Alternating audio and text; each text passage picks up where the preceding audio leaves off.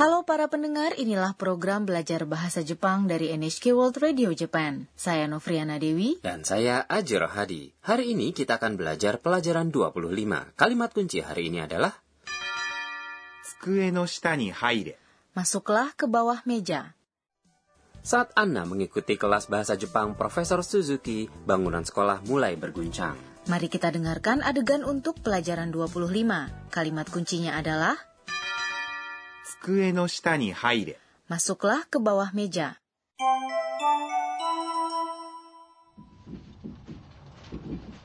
地震だみんな落ち着いて机の下に入れ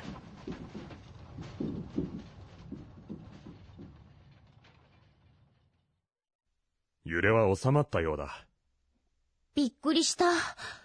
日本は本当に地震が多いですね。Mari saya jelaskan mengenai adegan tadi. Profesor Suzuki mengatakan, Jishin da. Gempa. Jishin adalah gempa. Da adalah bentuk informal dari des yang diletakkan di akhir kalimat. Dalam cara yang sopan, Anda ucapkan jishin des. Profesor Suzuki melanjutkan, Minna, ochitsuite. Semuanya tetap tenang minna. Berarti semuanya. Ochitsuite adalah bentuk te dari kata kerja ochitsukimasu yang berarti tetap tenang. Ini adalah cara informal dari pengucapan ochitsuite kudasai yang artinya mohon tetap tenang. Tsukue no shita ni haire. Masuklah ke bawah meja. Ini adalah perintah. Itu adalah kalimat kunci hari ini. 机 adalah meja atau dalam hal ini meja masing-masing mahasiswa itu. No adalah partikel yang menghubungkan kata benda. Shita adalah bawah. Tsukue no shita berarti di bawah meja. Atas atau di atas sesuatu adalah ue. Ni adalah partikel yang mengindikasikan arah suatu gerakan. Haire berarti masuklah. Ini adalah bentuk perintah dari kata kerja hairimas yang artinya masuk. Ini adalah pertama kalinya kita mempelajari bentuk perintah dari kata kerja. Bentuk perintah sering digunakan untuk memberikan petunjuk pada situasi darurat dan juga bagi tanda-tanda lalu lintas. Pada saat bencana terjadi, kita meneriakkan lari. Untuk mengatakan ini, kita menggunakan bentuk perintah dari kata kerja.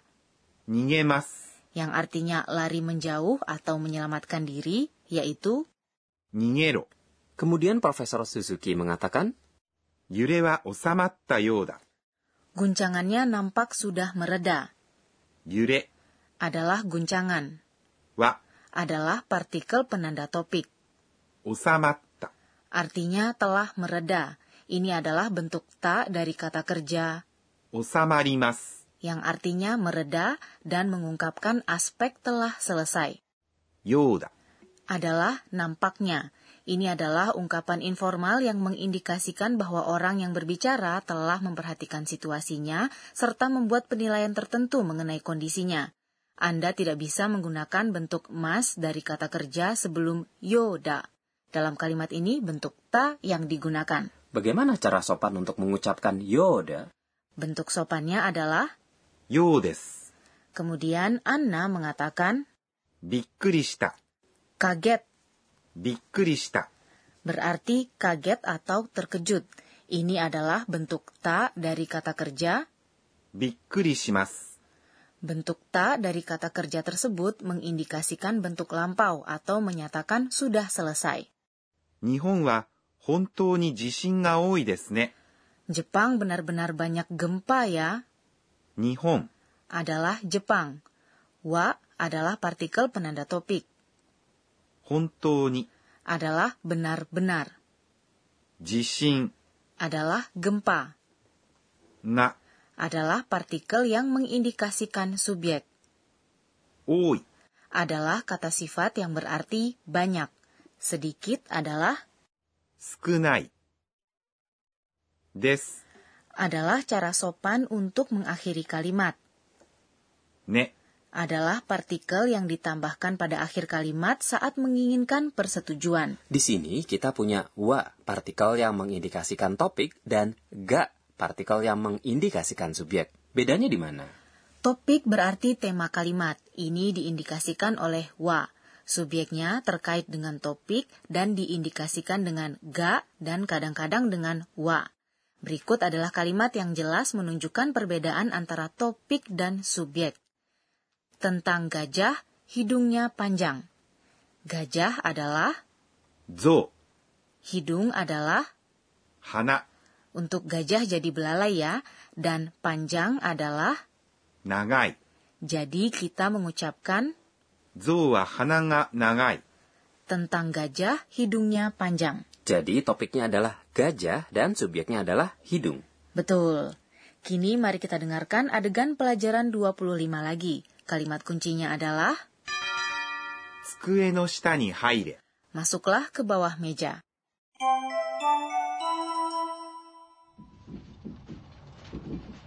Jishin da. Minna otsutsuite. Tsukue no shita ni haire.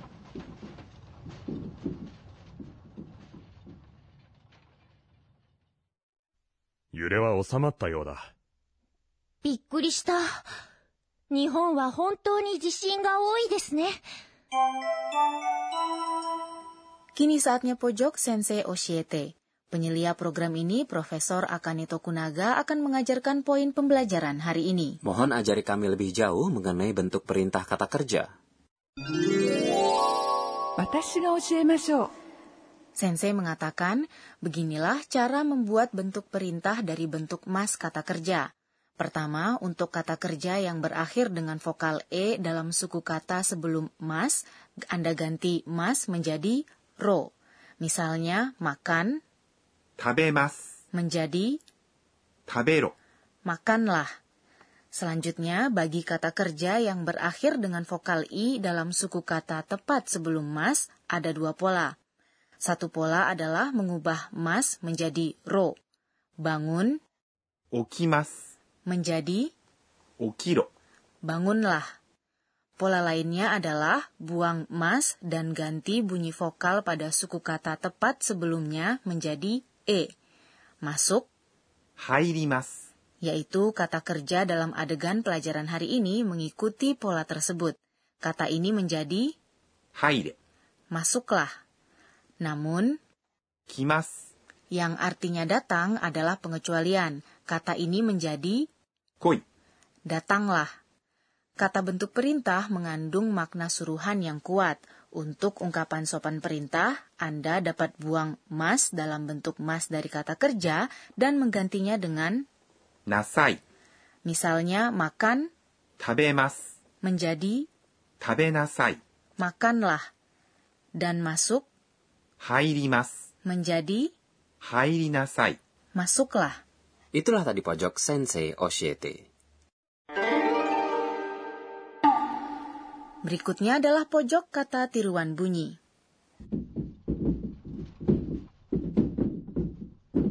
Apakah itu suara perabot berguncang saat gempa?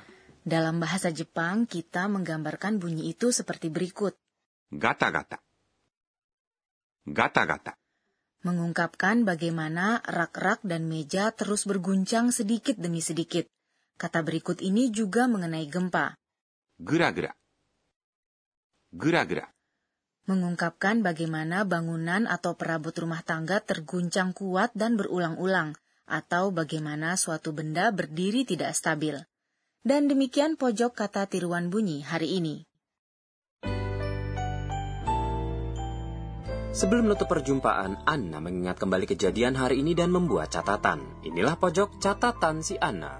Itu... Yumo. Saat gempa terjadi, katanya hal pertama yang harus dilakukan adalah mendapatkan informasi dari radio atau televisi. Apakah Anda menikmati pelajaran 25? Kalimat kunci hari ini adalah... Masuklah ke bawah meja. Ikutilah pelajaran berikutnya.